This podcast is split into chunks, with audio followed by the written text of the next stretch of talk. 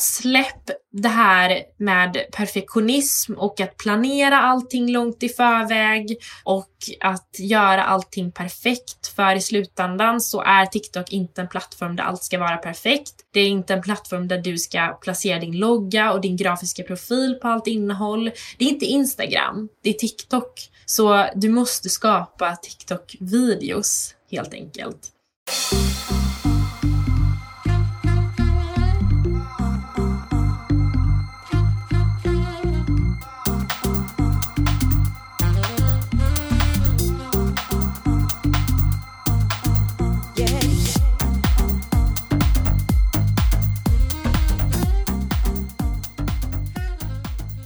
Välkommen tillbaka till Digital marknadsföring med Tony Hammarlund. Det här är en podd där jag intervjuar branschexperter och marknadsförare för att lära mig mer om digital marknadsföring. Mitt mål med podden är att bli en bättre marknadsförare och samtidigt dela med mig av intressanta samtal med några av Sveriges bästa marknadsförare. TikTok har växt otroligt snabbt de senaste åren och allt fler marknadsförare börjar få upp ögonen för plattformen i takt med att användarbasen både växer och breddas. Och det var länge sedan det pratades så mycket om ett socialt nätverk. Men hur lyckas man organiskt med sin närvaro på TikTok som varumärke? Och hur skapar man en riktigt bra innehåll som får stor spridning? Det är jag intresserad av att lära mig mer om. Så med mig i det här avsnittet har jag föreläsaren, strategen och TikTok-experten Joella Skog. Hon är en väl anlitad föreläsare och håller ett antal kurser inom sociala medier, organisk marknadsföring och framförallt TikTok. Hon är riktigt fast på TikTok så jag kan garantera att du kommer få med en hel del bra tankar och idéer som du kan börja använda direkt efter det här. Vi pratar i avsnittet om hur man som varumärke kan lyckas organiskt på TikTok och hur man skapar riktigt bra innehåll som får stor spridning.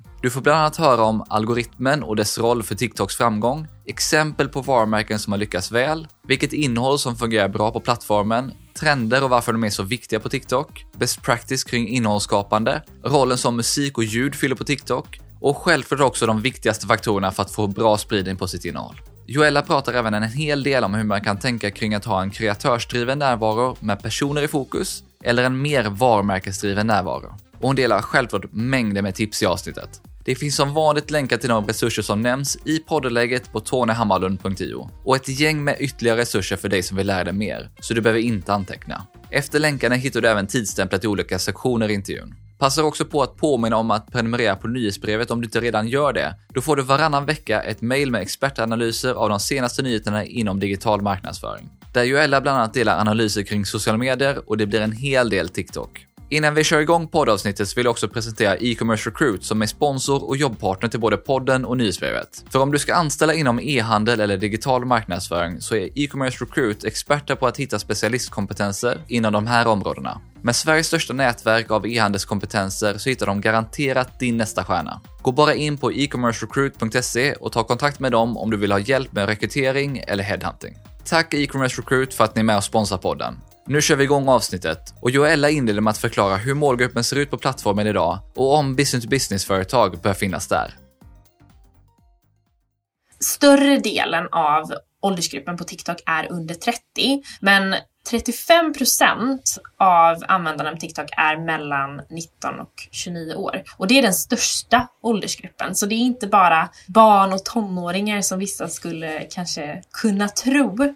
Så så ser det ut i alla fall globalt. I Sverige så ser vi också att det är väldigt många unga på TikTok, men också att alla åldersgrupper ökar på plattformen. För det är en väldigt snabb växande app och den var globalt den mest nedladdade appen både 2020 och 2021. Så den växer väldigt, väldigt fort. Så det betyder ju också att fler åldersgrupper flockas till plattformen. Så det är bra att tänka på att det är fortfarande en app som växer. Men vad säger du när kunder eller andra marknadsförare säger men vår målgrupp finns inte där?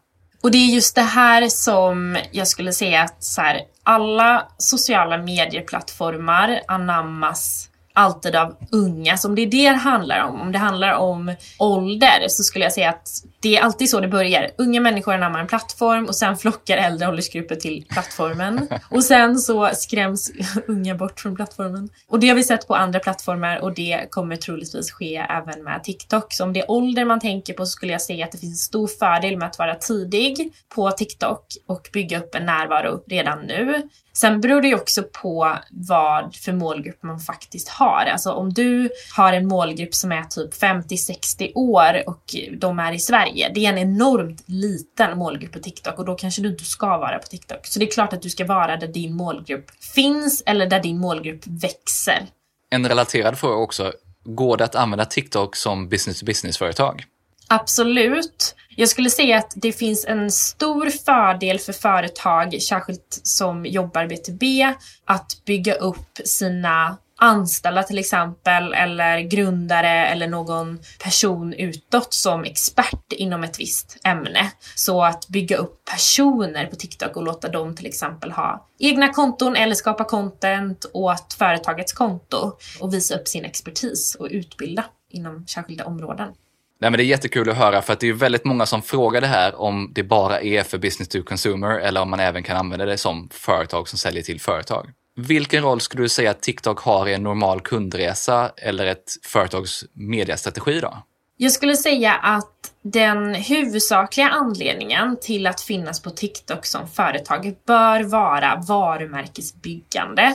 För det finns sådana möjligheter på TikTok att skapa väldigt relevant innehåll för din målgrupp och nå nya målgrupper och verkligen bygga en community på TikTok. Så det skulle jag säga är den huvudsakliga anledningen och syftet varför du bör finnas på TikTok. Och sen kan du givetvis också sälja, du kan koppla på annonsering och det finns också exempel på att organiskt innehåll också kan driva försäljning. Men jag skulle säga att om man kommer till TikTok så se det inte som en kanal som du bara kan placera en annons på och förhoppningsvis få massa köp, utan du ska bygga upp ditt varumärke på plattformen. Vilka möjligheter finns det för hur man kan leda tittare eller följare vidare i kundresan eller driva trafik till annat innehåll som ligger utanför plattformen? Så det bästa sättet att göra det här på är helt klart att annonsera på TikTok. Och för de som inte vet så är annonser på TikTok är annonser ofta som ser ut som en vanlig video du ser i flödet. Eller så kan det vara en video som tar upp hela din skärm. Men oavsett vad så är det en video och det ska vara en video som fortfarande känns som en TikTok. Men skillnaden är att det då är en annons och att du kan faktiskt driva trafik någonstans till en landningssida eller till din hemsida och så. Så det är det bästa sättet om ditt syfte att finnas på TikTok också är att du vill driva trafik eller driva försäljning så bör du koppla på annonsering. Och när det sedan kommer till att kunna driva trafik eh, någon annanstans organiskt, det är lite svårare. Det enda sättet att driva till andra kanaler är från din profil så att där kan du ha en länk till din hemsida. Du kan också länka till din Instagram eller Youtube och där finns det faktiskt också möjligheter att du kan öka Instagram följare genom att du faktiskt bygger upp ditt varumärke och når nya målgrupper på TikTok. Eller bygga din YouTube-kanal. Men det är inte det som bör vara ditt huvudsakliga syfte för att det är inte lika enkelt att driva liksom från en organisk video i flödet och få dem att klicka på en länk i din, i din bio. Men ja, så jag rekommenderar att man bör då koppla på annonser för att leda vidare i kundresan helt enkelt. Och om man skulle till exempel jobba med influencers så är det bra att hålla koll på att på Instagram story är man van vid att man kan lägga upp en länk i Instagram story som då klickar för att köpa någonting på rabatt till exempel. Det blir betydligt enklare att mäta effekten då av influencer marketing medan det kan du inte göra på en, ett influencersamarbete på TikTok till exempel. Du kan inte lägga in en länk i en TikTok på det sättet. Så det blir svårare att driva direkt trafik på det sättet. När man pratar TikTok och varför det har växt så snabbt så pratar man ju ofta om algoritmen. Så vad är det som är så speciellt med den och vad skiljer den mot andra nätverks? Det jag skulle säga är speciellt med TikTok skillnad från andra, vissa andra sociala medier är att innehållet du ser på TikTok är innehåll som rekommenderas till dig för en algoritm. Så det är inte baserat på vilka du följer på samma sätt. Så innehållet på andra sociala medier är baserat på vilka du, vilka du har valt att följa. Du ser framförallt innehåll från människor du följer. Och så är det inte på TikTok. Så det är det speciella. Och det innebär att algoritmen kommer att visa ditt innehåll som du skapar som företag till de personer som algoritmen tror kommer att uppskatta och gilla innehållet. Och det här, den här algoritmen då skulle jag säga det bästa med TikTok. För att när man tittar på funktionen av korta videoklipp, det ser vi är kopierat till många andra plattformar precis som TikTok egentligen kopierade också från Vine och, ja, som, och så Snapchat och allt sånt där. Så, så den funktionen är ju inte så unik att det är korta videoklipp egentligen. Men det är just algoritmen som är speciell och den är väldigt, väldigt pricksäker och om man laddar ner TikTok för första gången och man scrollar i flödet så kommer man tycka att vad är det här? Det här är inget för mig. Det är lite allt möjligt typ av content du kommer se. Men ju mer du använder TikTok, desto mer kommer du indikera till TikTok vad det är du gillar för innehåll och du kommer att märka hur pricksäkert det är. Och det innebär i princip att så här, mitt flöde på TikTok är helt annorlunda än ditt flöde på TikTok till exempel. Det kommer se helt olika ut. Så i min värld är det jättemycket content om typ sociala medier och marknadsföring. Och för någon som är intresserad av eh, typ träning och fitness och sånt så kommer det vara TikTok handlar om träning och fitness. Och för någon som är intresserad av dans, då är det dansvideos. Och jag får inte upp några dansvideos alls till exempel. Så man har sitt egna unika flöde helt enkelt med innehåll som är rekommenderat för mig oavsett om jag valt att följa dem eller inte. Och man märker ju det här väldigt fort som sagt när man använder plattformen att det går ganska snabbt för algoritmen att lära sig vad man, vad man tycker om och inte minst om man börjar följa vissa olika profiler eller konton. Så det gäller bara att se till att använda TikTok och indikera till TikTok vad du gillar genom att titta, engagera, visa om du inte är intresserad av någonting så kan du markera att du inte är intresserad av det och sådana saker. Också vad du följer givetvis ger en indikation vad för typ av content du gillar. Så du kommer ganska snabbt märka av hur algoritmen anpassar sig. Vad innebär den här algoritmen för hur man som marknadsförare och varumärke ska tänka kring sin strategi för plattformen? Det finns definitivt vissa saker att tänka på om man vill optimera sitt innehåll för algoritm. Men i grund och botten skulle jag säga att du måste tänka på att skapa relevant, intressant innehåll för din målgrupp. Det är liksom grundtänket skulle jag säga. Att utgå från det någonstans. Och sen så kan du också optimera ditt innehåll för algoritm. Och då finns det flera olika delar egentligen som man måste tänka på så till exempel i den här algoritm så kommer TikTok att ta flera faktorer in i hur bestämma hur ditt innehåll sprids. Och det är både engagemang och det är gillningar, kommenteringar och delningar och sådana saker. Så vad du gillar, kommenterar och delar. Så om ditt innehåll, om du delar innehåll på TikTok som har fått mycket likes och kommentarer från en,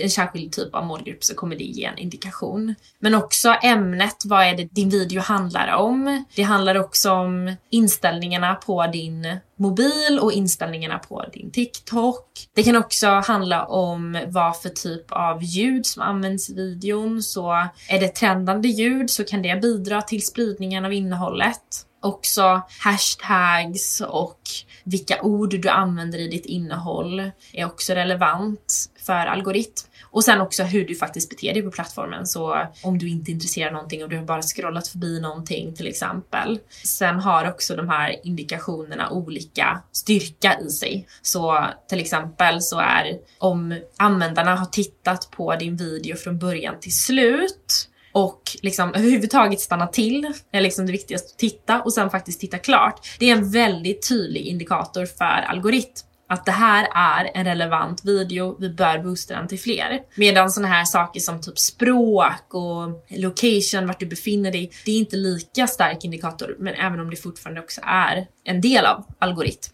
Så det finns de här sakerna i algoritm som man kan tänka på.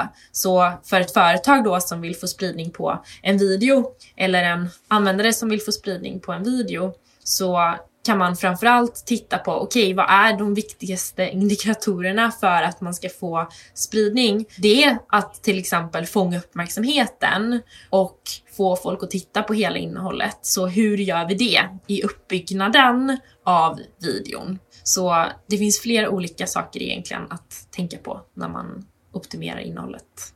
Det här är så intressant och jag tänker att vi kan gräva lite djupare i det här. Men innan vi gör det så tänkte jag kolla vilka företag som du anser har mest att hämta på TikTok? Jag skulle först vilja säga att om du givetvis försöker nå unga människor så är det ju på TikTok du måste vara. Om du är ett varumärke som också vill uppfattas som ganska härligt och avslappnat och vill vara en del av trender så bör du också vara på TikTok. Men om du också vill utbilda och visa upp din expertis till exempel så finns det också en plattform för dig på TikTok. Så jag tycker att det finns väldigt många olika typer av företag som kan finnas där. Någonting som jag verkligen skulle säga är att om du har en startup och inte jättemycket budget än så finns det möjligheter att bygga upp och nå ut organiskt på TikTok med ditt innehåll för att det fortfarande är ganska enkelt att faktiskt få spridning på sitt innehåll utan att behöva investera pengar i annonsering. Vilket du sen kan givetvis göra också. Men det hade i alla fall jag gjort. Jag hade helt klart satsat på TikTok om jag hade en startup eller en, eh, ett mindre företag och ville få, få visningar och nå ut till min målgrupp. Så det skulle jag säga. Och det finns massvis med exempel. Eh, jag rekommenderar till exempel så här, gå in på hashtag small business TikTok. Jag tycker att stora företag kan också inspireras av dem. De är jätteduktiga på TikTok för att de har inte liksom en stor så här, strategi nödvändigtvis, men de bygger ofta sitt varumärke på grundaren till exempel som skapar TikToks och bygger upp sitt personliga varumärke som grundare av det här företaget. För folk älskar att följa människor liksom. Det är ju människor vi vill se. Och man älskar att köpa från andra människor. Så om du har ett liksom, mindre företag eh, eller en startup så tycker jag det hade jag satsat helt klart på TikTok. Jag tänker att vi kommer in mer på innehåll, men just det här personer går ju verkligen igenom på TikTok på ett helt annat sätt än vad de gör på andra plattformar, så där är det verkligen helt rätt. Men du nämnde lite kring exempel, så vad har du för exempel på företag som har lyckats väldigt väl på plattformen? Och kan du beskriva lite mer vad de har gjort, resultaten och vad du skulle säga vad som ligger bakom framgången? Jag skulle säga om vi tar några exempel från svenska företag så skulle jag säga att Pinchos är en restaurangkedja som har en väldigt stark närvaro på TikTok. Och då är det faktiskt Johanna Udd som är delägare i Pinchos som sköter deras TikTok-konto och är ansiktet utåt för Pinchos i princip. Och i nästan alla deras videos så är hon på restaurangen, hon har på sig deras kläder och man skulle ju kunna tro att men en restaurang, då måste det vara att de postar mat hela tiden. Nej, det är en väldigt liten del av innehållet faktiskt. Att så här, hon kanske delar med sig av ny grej på menyn eller drinkar och liknande. Men det handlar bara mycket om att skapa underhållande kul innehåll där hon visar vad som händer bakom scenerna. Hon hoppar på olika trender. Hon spelar in en Kanske alltifrån en väldigt genomtänkt video till en väldigt snabb, kort video där hon bara pratar in i kameran. Så det är väldigt avslappnat. Men hon är väldigt så glad, karismatisk och vänskaplig. Så det känns som att man följer en kompis, typ, som sköter det här företagets konto. Och jag vet att hon har gjort en så här, turné ganska nyligen då hon åkte runt i olika restauranger och hade sån här meet and greet med TikTok-följare. och, och folk är ju intresserade av att komma till restaurangen för att kunna träffa Johanna och sådär. Så att hon har ju blivit nästan en influencer på TikTok. Deras konto har eh, över 100 000 följare och eh, har byggt upp närvaro där väldigt länge. Så där tycker jag är ett väldigt bra exempel på att använda sig av en specifik person i innehållet för att bygga upp ett varumärke och bygga relation till människor på TikTok. Sen har vi ICA Brottbyhallen som är en ICA-butik och de har lite annorlunda strategi kanske än, än många andra företag. Där vi pratar ofta om att det finns trender på TikTok att hoppa på och man ska använda musik i sitt innehåll och så. Men det gör inte de alls. Utan det de gör är att ha lite av sin egna reality show på TikTok. En modern ICA-reklam skulle man kunna säga. Där det kan vara att de bara slänger upp mobilen, filmar vad som händer i stunden pratar med varandra, eh, det händer något kul i butiken, eller de har någon kommentar på någonting och så postar de det. Och det tar bara några minuter för dem att posta den videon, att filma och posta den videon i princip. Så de gör lite vad de vill. Men det Pinchos och ICA Brottbyhallen har gemensamt är att det är människor som jobbar på företaget som lyfts upp i innehållet och man känner att man bygger en relation till de här personerna när man tittar på deras TikToks. Så det är en väldigt tydlig gemensam nämnare de har och, och många andra företag som lyckas på TikTok, att det faktiskt är de anställda som lyfts fram.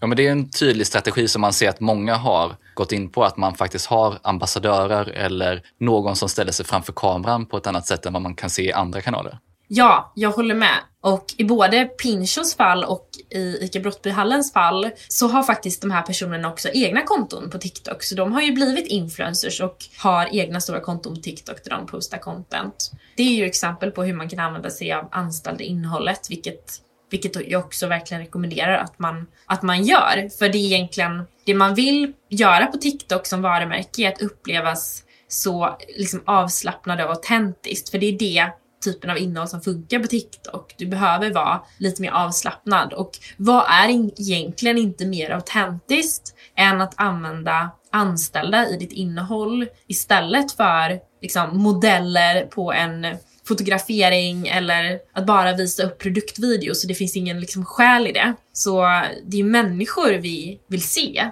på sociala medier egentligen. Har du några andra typer av exempel på företag som har gjort det väldigt bra? Ja, till exempel eh, företaget Estrid som säljer rakhyvlar. De jobbar inte alls med anställda i sitt innehåll som i exemplen med Pinchos och ICA Brottbyhallen. Utan de jobbar med helt enkelt influencers för att skapa innehåll åt dem. Så de har en ny takeover från en influencer varje vecka på deras kanal. Och det här är också ett väldigt smidigt sätt att bygga upp en närvaro på TikTok om man känner att men vi har inga anställda som kan sköta vårt content eller vi har inte de resurserna internt eller vi har inte den liksom, kunskapen än om att skapa content på TikTok. Men då kan man jobba med existerande kreatörer på TikTok som är duktiga på att skapa innehåll och kan också göra det åt, åt ert konto. Och sen ett annat exempel är också Ryanair som är nog en av, i alla fall en av mina favoritkonton på TikTok som är väldigt roliga, duktiga på att hoppa på trender och de driver väldigt mycket med sitt varumärke. De är extremt avslappnade, tar sig själva inte seriöst överhuvudtaget. Och de har ju ett social media team eller manager som är väldigt rolig och har bra humor och hänger med i stämningen på TikTok. Och det är A och O skulle jag säga. Men de använder sig av sitt sina flygplan i innehållet, vilket går emot lite det här som jag sa att använd människor i ditt innehåll. Men där har de sina flygplan som de har gjort till en karaktär med ögon nästan och lägger till text på innehållet, någon sån här sarkastisk text eller något som hoppar på trender. Så där har de valt att gå en annan väg, även om de också faktiskt använder människors innehåll till och från. Men det finns helt enkelt olika sätt att göra det på. Det finns egentligen inga regler för vad du kan göra på TikTok. Nej, men det är kul att få två andra typer av exempel som är mer av företag och varumärken snarare än att man har ambassadörer och personer som pratar och det är personerna som man följer. Du var inne lite tidigare på det här med trendande innehåll och trender på TikTok. Vilken roll fyller det på plattformen och hur håller man koll på vilka trender som finns? Trender är väldigt centralt på plattformen och när man pratar om trender så innebär det egentligen både en typ av innehåll som man kan skapa som är trendande. Det kan vara ett recept på en fetostpasta som trendade nu för något år sedan. Det kan också vara musik eller ljud som trendar för det är väldigt musik och ljudcentrerad plattform också. Så det är något typ av trendelement i mycket innehåll och att hoppa på en trend kan vara väldigt viktigt för både spridningen av ditt innehåll men också för att vara relevant på TikTok i princip. Så bästa sättet att identifiera trender skulle jag säga är för det första att vara mycket på TikTok och se vad är det för typ av trender som dyker upp i flödet och kunna vara snabb på bollen. Du behöver hänga på TikTok för att vara på TikTok. Sen kan det också, det finns också så här konton som, som rapporterar om trender som man kan gå in och följa, olika konton som helt enkelt gör det till sitt konto att rapportera om trender. Du kan googla också på trender, för det finns också hemsidor som lägger upp typ trender, senaste trenderna, så att du kan hoppa in och eh, ta en titt på dem. Du kan också gå in på upptäck på TikTok där du kan se ett flöde av trender in i TikTok app appen. Det är ett bra sätt att se några av trenderna, men jag skulle inte säga att det är det bästa sättet att se olika trender. Sen kan du också se i musiklistan över musik så kan du se de mest populära låtarna på TikTok just nu. Så, så, så på det sättet kan du identifiera trender. Det här är ett antal olika exempel på hur man kan göra det, men hur brukar du göra? Jag brukar antingen scrolla i flödet för att identifiera trender helt ärligt. Eller så brukar jag gå in på dessa konton som rapporterar om trender för att se snabbt och enkelt vad är det för typ av olika ljud som trendar just nu. Eller googla. För att det, det tycker jag är det snabbaste sättet att liksom hitta till vad det finns för olika trender. För att i mitt flöde kan det ju hända också att en viss typ av videos dyker upp och att jag missar någon trend inom någon särskild nisch. Så att kolla olika konton och olika källor är bra eftersom att vi alla har olika flöden. Olika grupper har olika trender. Men sen kan du också gå in på nischade hashtags för att se vad det är för typ av innehåll som publiceras av stora influencers inom, inom de här kategorierna för att följa vad det är för trender där. Så det finns många olika sätt att göra det på, men jag gillar att eh, vara på appen och känna av vad är, vad är det för trend just nu? Vad, är det för, vad får jag för idéer från att jag sitter och scrollar liksom, på flödet? Före jag fortsätter prata TikTok med Joella så vill jag presentera Meltwater som är med och sponsrar podden. Du har säkert hört talas om Meltwater tidigare och man är kända för sina verktyg inom media intelligence och social analytics. Plattformen har global täckning och används idag av över 27 000 marknadsteam och team inom PR och social. Två av de främsta användningsområdena där plattformen verkligen skiner är mediebevakning och analys av både traditionella och digitala medier samt hantering och analys av såväl köpta som organiska kampanjer i sociala medier. Ett annat område där man har ett grymt verktyg som jag verkligen gillar är inom hantering och analys av influencer marketing. Det är bland annat superbra för att enklare hitta rätt influencers. Och med verktyget får man även kampanjhantering och ett smart influencer CRM. Vill du veta mer om plattformen så är det bara att gå in på meltwater.com och hälsa gärna från mig. Stort tack Meltwater för att ni är med och sponsrar podden.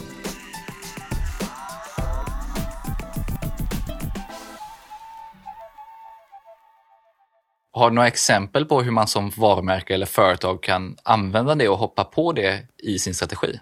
Det är viktigt att inte bara kopiera innehåll på TikTok. Så att hoppa på en trend innebär inte att bara kopiera innehållet som någon annan gör. Utan när du ser en trend som ett populärt ljud. Det var till exempel en gång ett ljud som sa Monday, Tuesday, Wednesday, Thursday. Det kan också vara ett ljud som säger um yeah. Alltså det är väldigt random ljud ibland. Och du behöver fundera på hur kan jag använda det här ljudet på ett sätt som funkar för just min nisch. Så till exempel om det är ett ljud som är Monday, Tuesday, Wednesday, Thursday. Då var det väldigt vanligt inom mode på TikTok att visa vad du har på dig för outfit varje dag. Om det inom däremot eh, recept-TikTok så var det vad du äter varje dag, måndag, tisdag, onsdag till frukost till exempel. Så hur kan du koppla det till just din bransch och din produkt så där gäller det helt enkelt att vara kreativ och inspireras av vad andra gör, men inte kopiera.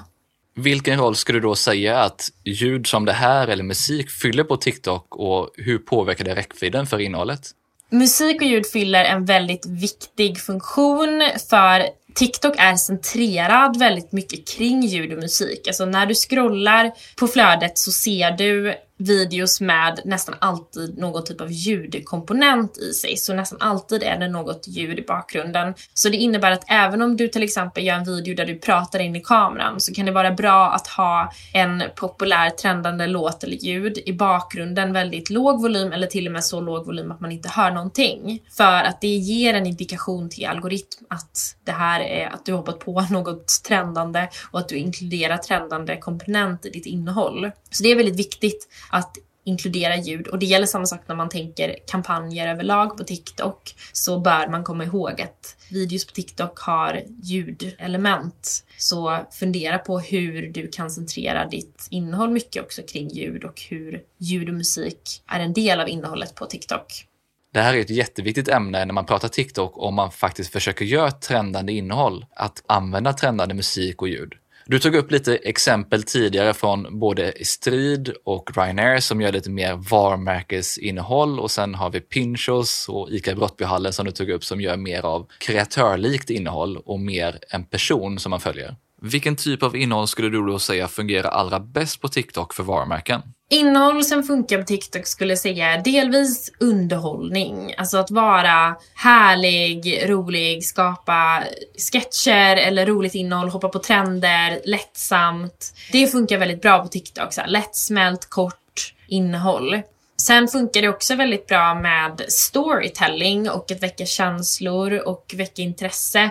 Det är väldigt vanligt att se användare på TikTok berätta historier och berätta en eh, långdragen historia om någonting de har varit med om. Eller till exempel ett företag om hur den här vdn berättar om hur den startade det här företaget. Eh, något personligt. Det funkar väldigt, väldigt bra för att TikTok är en sån autentisk plattform med liksom, innehåll som känns väldigt äkta. Så det här personliga, mänskliga funkar väldigt bra. Men en annan del som man inte får glömma bort är också utbildande innehåll som är väldigt, väldigt stort på TikTok.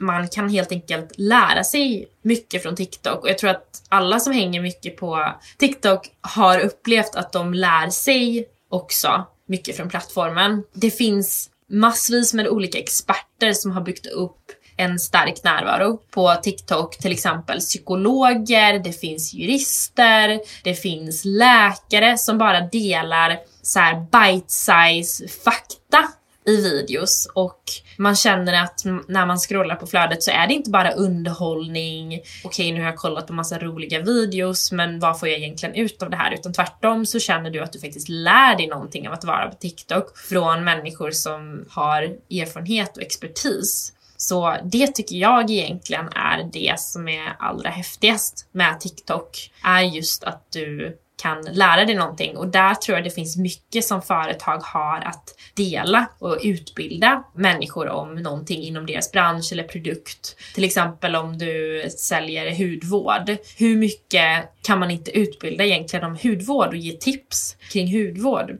Men också sådana här saker som hacks är väldigt stort. Liksom, att lära sig någonting om hur du, du kan förbättra ditt liv på något sätt. Allt ifrån ett mathack om hur du kan göra ett riktigt snabbt snack i mikron till hur du kan så här, knyta en blus på tre olika sätt så det behöver inte alltid vara allvarlig, seriös fakta där du liksom lär dig någonting utan det är ofta också väldigt lättsam, enkel fakta och tips att ta till dig. Så jag känner ju att jag har lärt mig jättemycket av att vara på TikTok, både inom marknadsföring och business men också inom olika mathacks eller hur jag kan städa smartare eller någonting sånt. Så den delen tror jag är väldigt spännande för många företag som känner att okej, okay, men vi kanske inte kan vara så roliga och vi kanske inte har så mycket människor att ha med i vårt innehåll på det sättet. Men finns det experter kanske hos er som kan dela fakta och tips och värde till målgruppen?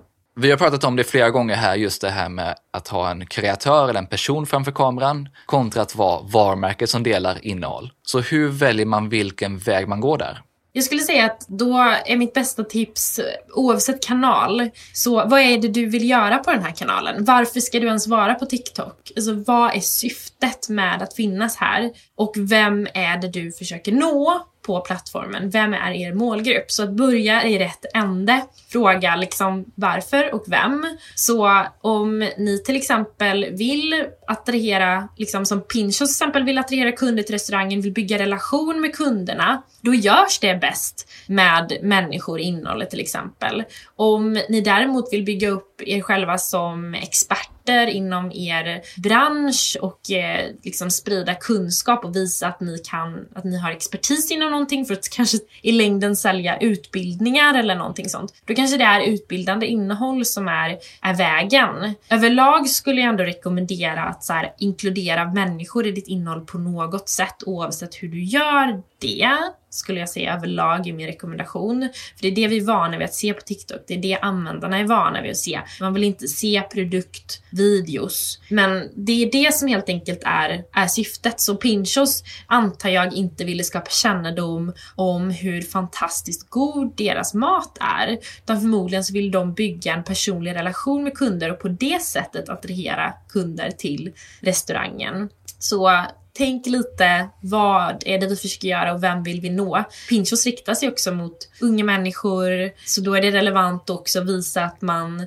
hänger med i trender och kan uppfattas som skön, helt enkelt. Så det beror på hur du som varumärke vill uppfattas. Vad är varumärkesidentitet? Vad är era värderingar? Och vad är syftet för er att finnas på TikTok. För i slutändan så är det varumärket som ska kommuniceras på något sätt. Vare sig det görs på TikTok eller Instagram eller YouTube. Så det är bara kanaler för att kommunicera ert budskap och vem ni är som varumärke.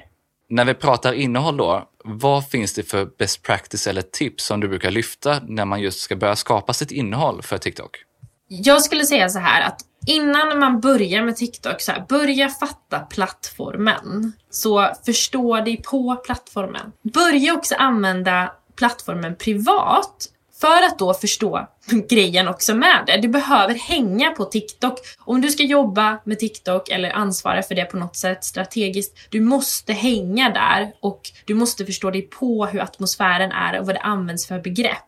Alltså det är ord som används mellan användarna på TikTok som inte används på andra plattformar på samma sätt. Typ att säga ordet bestie till varandra är till exempel väldigt så normalt i atmosfären på TikTok men ingenting du skulle bara göra helt plötsligt på Instagram eller YouTube. Fatta atmosfären liksom. När du går in i ett rum så behöver du känna av rummet. Vad är det för människor här? Vad är det för eh, stämning? Hur, hur beter man sig? Det är liksom nummer ett viktigast. Sen skulle jag också säga att undersök er nisch och er bransch. Vad gör influencers, duktiga influencers inom er bransch? Vad gör de för typ av content och varför går deras videos bra? Och kolla också andra varumärken inom inom er bransch givetvis.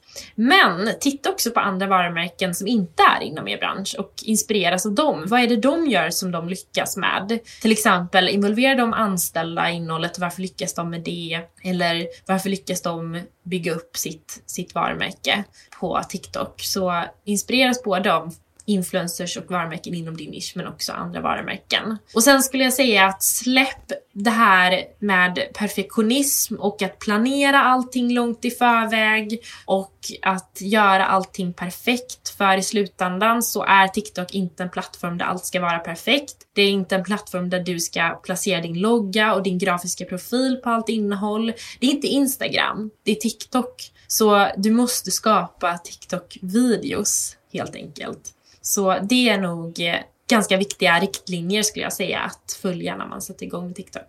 Det här sista som du nämnde också, det var just det, nästa fråga jag hade, just kring produktionskvaliteten och typen av innehåll. Hur ska man tänka där? Så det var ett väldigt bra svar på den frågan, just att det ska kännas väldigt naturligt och inte alls vara lika tillrättalagt som det kanske är i många andra kanaler. Precis. Jag brukar säga att prioritera volym och plus kreativitet framför hög produktionskvalitet så att säga. Så att skapa mycket content på TikTok. Helst ska du posta varje dag om du kan mer än det. Jättebra. Men jag skulle säga att en per dag kan vara en bra liksom, baseline att utgå från. Och skapa mycket content. Du kan inte lägga en dag på att skapa en video som du ska posta vid ett tillfälle för att sen posta en ny dagen efter. Men höj kreativitetsnivån, så var kreativ med innehållet. Utmana er kreativitet, se till att vem den är som ansvarar för TikTok hänger mycket på TikTok och är väldigt, väldigt kreativ. Och släpp hellre på det här med att det ska se så perfekt ut, för att inget annat innehåll på TikTok ser perfekt ut. Och det är det som är hela charmen med TikTok. Det är därför man gillar TikTok, för det, hur många är inte trötta på det här perfekta flödet på Instagram, där alla har sina perfekta semestrar och perfekta liv och perfekta kroppar. Det har varit ganska länge liksom, man är trött på det. Och TikTok har blivit som en motpol till det här perfekta Instagramflödet och det är därför vi gillar det. Så det, fördelarna med det är att man kan plocka upp en eh, mobil och göra en annons eller en organisk video hur lätt som helst, hur snabbt som helst. Så det är mina rekommendationer när det kommer till hur man ska tänka kring kvalitet. Sen har vi det här med längd också. För det går ju numera att publicera videoklipp upp till 10 minuter långa på TikTok. Så hur ska man tänka kring längden på sina klipp? Jag skulle säga att om man tittar på algoritm så prioriterar algoritm videos som blir tittade på och gärna från början till slut och det är väldigt positivt om man också tittar om på videon. Så där skulle jag säga att fortfarande tänk att du skapar framförallt korta videos och videos som är upp till 15 sekunder är det bästa. Den här nya längden på 10 minuter är fortfarande ganska ny och jag tror att det är någonting som framförallt kreatörer kommer att börja jobba med för att kunna skapa mervärde till sina följare när de redan i vissa fall skapar flera delar av videos är väldigt vanligt. Så här, en del 1, del 2, del 3, del 4 för att de berättar en lång historia till exempel. Så det tror jag kommer anammas av kreatörer. Och det kan också hända att det är någonting som företag kommer att dela för att kanske dela en, en tutorial exempelvis. Eh, eller ett recept kan det vara. Så det blir nästan som bite-size YouTube kan man säga då istället på något sätt. Men, eh, men jag skulle väl säga att det är inte den änden man bör börja i om man inte redan har byggt upp en, en närvaro på TikTok utan fokusera hellre på de här korta klippen. Ja, men det är kul att höra hur du tänker kring längden, för det här är ju någonting man ställs inför direkt när man kommer till plattformen. Hur långa klipp ska vi göra? Vi har nu pratat lite om algoritmen, vi har pratat om trender och om innehållet i sig. Men vilka skulle du säga är de viktigaste faktorerna för att få riktigt bra spridning och räckvidd för sitt innehåll?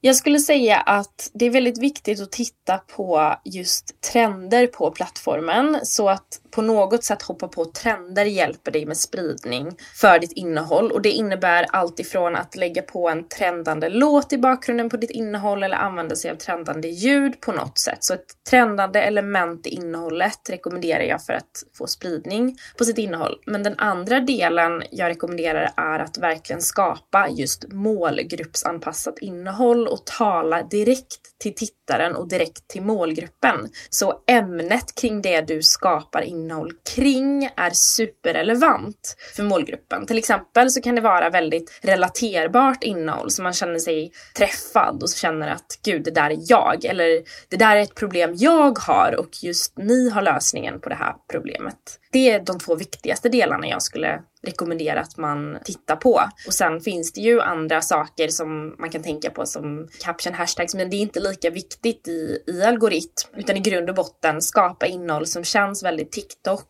och är gärna trendande på något sätt samt är superrelevant för målgruppen. Det här är ju saker som är viktigt oavsett plattform man jobbar på, men som sagt, trender är ju extra viktigt på TikTok och att jobba med både musik och ljud, men också andra typer av trender på plattformen egentligen. Det här är lite större saker som man tänker kring sitt innehåll, men finns det några mer konkreta saker kring hashtags eller captions eller andra saker som är väldigt viktigt för att man faktiskt ska få spridning för innehållet? Alltså fånga uppmärksamheten direkt, alltså de första tre sekunderna. Berätta i text eller i tal på något sätt vad videon ska handla om eller gör någonting konstigt som fångar uppmärksamhet. Alltså någonting som är så här, fångar uppmärksamhet och får folk att sluta scrolla i flödet när de ser din video. Det är liksom nummer ett. Och sen får de att titta klart på din video från början till slut och gärna att de tittar om på videon. Så det innebär att verkligen ha, hålla uppmärksamheten genom hela videon. Det kan innebära att skapa kort innehåll så folk orkar kolla från början till slut. Det kan vara att visa steg för steg hur någonting fungerar, att berätta tre tips så man vet att man vill komma till det tredje tipset. Olika hacks man kan använda sig av för att få folk att vilja titta klart på videon och gärna som sagt titta om på videon. Så om videon är ganska kort så är det troligt att man också kommer titta om på det. Och det ger en indikation till algoritm att okej, okay, folk stannade till, de tittade på videon från början till slut och de tittade till och med om på videon. Det här måste vara riktigt bra innehåll. Så det kan vara någonting att tänka på när man skapar innehåll. Ja, men det är jättebra tips. Det här med att faktiskt få tittarna att titta igenom innehållet, det är ju någonting som har stor vikt just på TikTok. Hur gör man sen för att utvärdera hur innehållet faktiskt fungerar och vilka möjligheter finns det att göra det på TikTok? Jag skulle säga att man kanske är van vid på andra sociala medier att titta mycket på typ följare för att kunna mäta hur det går på TikTok. Och det skulle jag säga att man bör fokusera mindre på på TikTok för du kan nå ut så brett till människor som inte följer dig redan. Det jag skulle titta på framför allt är hur många visningar dina videos får och tittartid, alltså visningstid. Hur länge tittar de på din video? Om de flesta liksom slutar titta efter två sekunder så är din, dina videos förmodligen inte tillräckligt bra och intressanta för att hålla kvar uppmärksamheten hos tittaren. Så det är någonting jag skulle rekommendera på att man kollar i analysverktyget. Sen kan du också se saker som följare, du kan se varifrån könsuppdelning och varifrån dina följare kommer. Du kan också se hur många kommentarer och likes och delningar och sådana saker som, som dina videos får. Men jag skulle rekommendera att man tittar på just visningar och visningstid. Det här är någonting som jag tycker är jätteintressant, just att se vad är det du tittar på som är expert på TikTok för hur du utvecklar innehållet. Innan vi avslutar, om du skulle sammanfatta lite kring vad du anser är nycklarna då för att lyckas som varumärke på TikTok. Vad skulle det vara enligt dig? Om jag skulle samla mina bästa tips för att lyckas på TikTok så skulle jag säga att för det första hoppa på trender på något sätt och gör dig relevant på TikTok. Det är en plattform som centreras mycket kring trender så försök titta på hur det är möjligt för er att göra det. Även om det är att ni inte kan använda er av trendande musik och trendande ljud så kan ni titta på vad för annat typ av innehåll som funkar och flyger på TikTok inom just din nisch. Det andra tipset är att verkligen släppa på allt som handlar om perfektion och våga vara mer autentiska och skapa innehåll som känns mer enkelt och inte så tillrättalagt. Så det skulle jag säga är mitt tips. Och mitt tredje tips är att om du använder människor i ditt innehåll så rekommenderar jag verkligen att använda anställda eller influencers, kreatörer, ditt innehåll och se till att det är människor som är duktiga på att skapa TikToks, som hänger mycket på appen och också är väldigt karismatiska och kommer igenom väldigt väl på video. Det, det är mitt tips för att lyckas på TikTok. Ja, men det tycker jag är fantastiska tips att avsluta med. Stort tack för idag Joella. Tack. Det där var föreläsaren, coachen och TikTok-experten Joella Skog. Tack så mycket för att du lyssnade på podden. Om du gillar det här avsnittet så hade jag varit grymt tacksam om du tipsar någon du tror kan tycka om det och podden. Och glöm inte av att prenumerera. Du hittar som vanligt länkar till alla resurser vi nämnde i poddelägget på tonyhammarlund.io. Där finns det bland annat länkar till de olika exemplen och resurser för att hålla koll på olika trender. Du hittar även länkar till bra resurser från TikTok med allt från inspirerande case till best practice inom innehållsskapande. Plus ett gäng riktigt bra hashtaggar att följa som marknadsförare. Har du några frågor eller idéer för framtida avsnitt så är det bara att mejla på tony.hammarlund.io eller skicka ett DM på LinkedIn. Jag vill även passa på att tacka Mikael Lindberg på Newberries Music som står för musiken och hjälper till med att producera den här podden. Vi hörs snart igen med fler intressanta gäster och ämnen.